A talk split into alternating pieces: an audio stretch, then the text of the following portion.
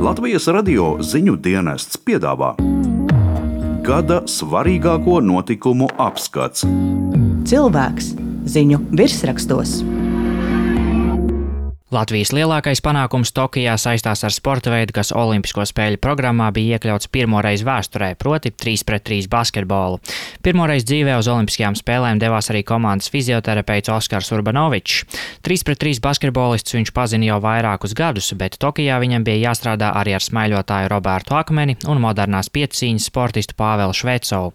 Strādājot ar basketbolistiem, Urbanovičam bija uzticēts nevien izpildīt tiešos fizioterapeitu pienākumus, bet arī plānot grafiku cikos un kur sportistiem jābrauc. Sākot jau no pirmās dienas, kad viņi tur bija, es jau arī biju divas dienas ātrāk par viņiem, jau nedaudz iepazinu apkārtni, lai varbūt varētu arī džekus ātrāk ievirzīt pareizajos virzienos. Un tā sākotnējā tā ikdiena bija tāda, nu, tādā vienā lielā skrējienā, un tāda atelpas brīža bija ļoti maz. No tur kāda varbūt pa dienu kāds brīvāks brīdis, kad vienīgais, kam pietika spēks, bija atlaisties dīvainā un mazliet uh, uzlādēt baterijas. Tie pienākumi bija dažādi. Protams, mans galvenais pienākums bija, lai viņi pēc iespējas labāk varētu atjaunoties. Nu, ietver tur augstās vannas taisīšanas, pieņemsim, tā kā sākās turnīrs. Mums uh, bija vēlās spēles, un kad mēs atbraucām atpakaļ uz ciematu, viss tas med komplekss jau bija aizslēgts ciet, un mums tās augstās vannas nebija pieejamas. Tam mums vajadzēja pašiem viņus taisīt. Paldies Dievam, uh, bija istabās vannas, kur arī varēja salaist augstu ūdeni, nest to ledu un, un darboties.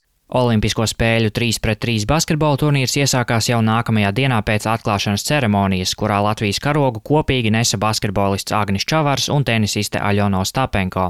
Olimpiskais tenisa turnīrs kārtējo reizi neatnesa Latvijai nevienu uzvaru. Gan Ostapenko, gan Anastasija Sevastova izstājās jau pirmajā kārtā, tostarp arī dubultu spēlēs.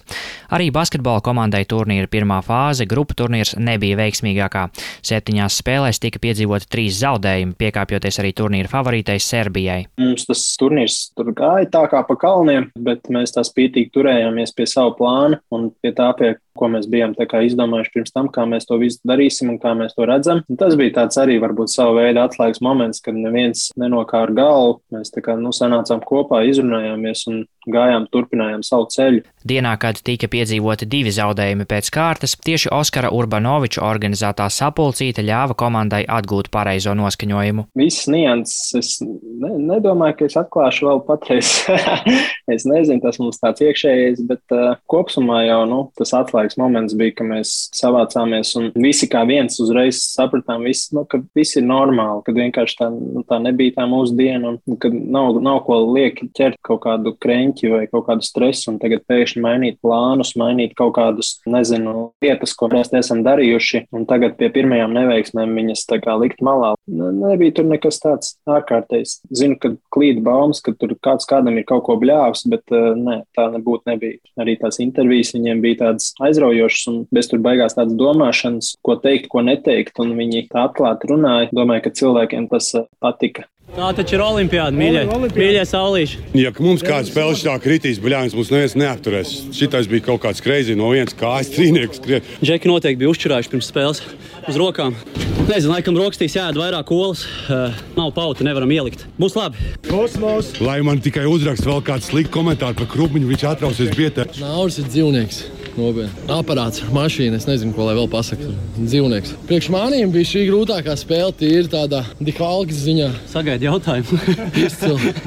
Es vienkārši neizgribu ātrāk un atpūsties. Uh! Plāns atgūt spēks ir tāds, ja jūs mums tagad palaidīsiet, mēs paspēsim uz busiņu. Ja? Tā kā paldies un rītā tiekamies. Čau! Čau mājās visiem!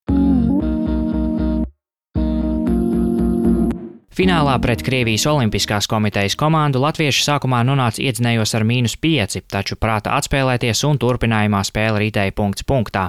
Pusminūte līdz pamatlaika beigām uzvaru nesošo tālmetienu trāpīja Kārlis Pauls Lasmanis, nodrošinot Latvijai zelta medaļu.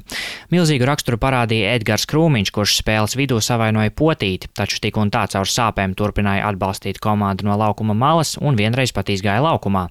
Urbanovičs atceras, ka no fināla spēles redzējis pavisam nedaudz. Es to fināla spēli īstenībā reāli noskatījos pēc kāda mēneša, kad biju atpakaļ no Olimpijas, jo tur uz vietas es vispār neko neredzēju tikai domāju par to krūmiņu kāju. Atlases turnīrā krūmiņa loma bija ļoti liela. Kas tā bija pa spēli pret Lietuvu, ja nemaldos, laikam mums tur grūti gāja un krūmiņš vienkārši kamerās varēja dzirdēt visus vārdus, ko viņš viņiem pateica. Bet tas, tas bija tāds grūdienis, ka nu, bez tiem vārdiem es domāju, ka mēs Olimpijādē varbūt pat nebūtu. Es nezinu. Pēc ierašanās Latvijā Olimpiskos čempionus Rīgas lidostā sagaidīja vairāk nekā 200 atbalstītāju. To, kas bija paveikts, to es aptvēru, tad, kad Džeka atgriezās Latvijā. Es tieši arī skatījos no Tokijas, kā viņi sagaidīja. Tas bija kaut kas wow, ka Latvijas lietas laikā ir gatavs iznākt no, no, no savu kabinetu un pavicināt karogu un sagaidīt Džekus. Nu, tas bija tāds iespaidīgs moments. Tāpat bronzas medaļu savās trešajās Olimpiskajās spēlēs karjerā izcīnījis varcēlājs Artūrs Plēsnieks. Savukārt Paralimpiskajās spēlēs Latvijas delegācijas sportisti uz augstākā pakāpiena nespēja kāpt.